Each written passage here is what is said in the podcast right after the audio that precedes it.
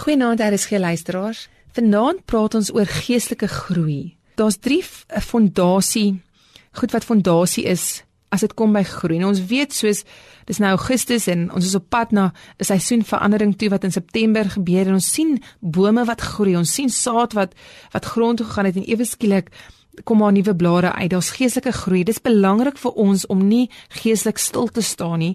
Dis belangrik vir ons om om geestelik te groei en vorentoe te beweeg in ons verhouding met God en geestelik. Dat ons nie dormant bly nie. Nou drie fondasies wat ek dink te doen het met geestelike groei, om geestelike groei te bring. Die eerste een is God se woord.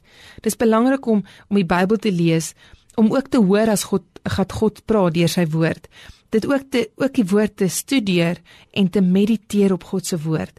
Dit bring geestelike groei. Die tweede een is gebed. Gebed is hoe ons kommunikeer met God.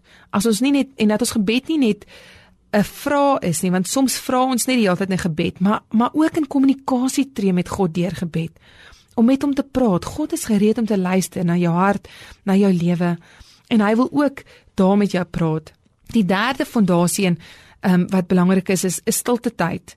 Is dat jy tyd uit jou besige lewe, uit jou kalender uit maak en sê Vader, ek is honger om geestelik te groei en 'n dissipline aan te leer om stilte tyd om tyd te maak om by God te gaan sit dat hy deel kan vorm van jou lewe.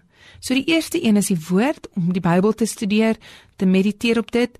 Tweede een is gebed om in verhouding en gebed, verhoudingsgebed um, ons sien dit in 1 Tessalonisense 5 vers 17.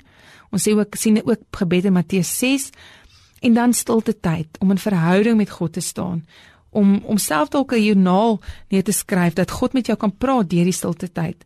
Ons sien jy's welkom Genesis 19 vers 27 ook te gaan lees.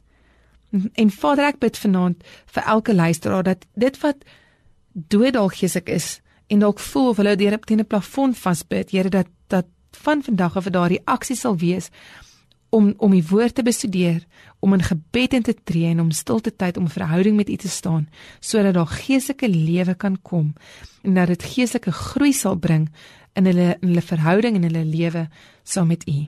In Jesus naam. Amen.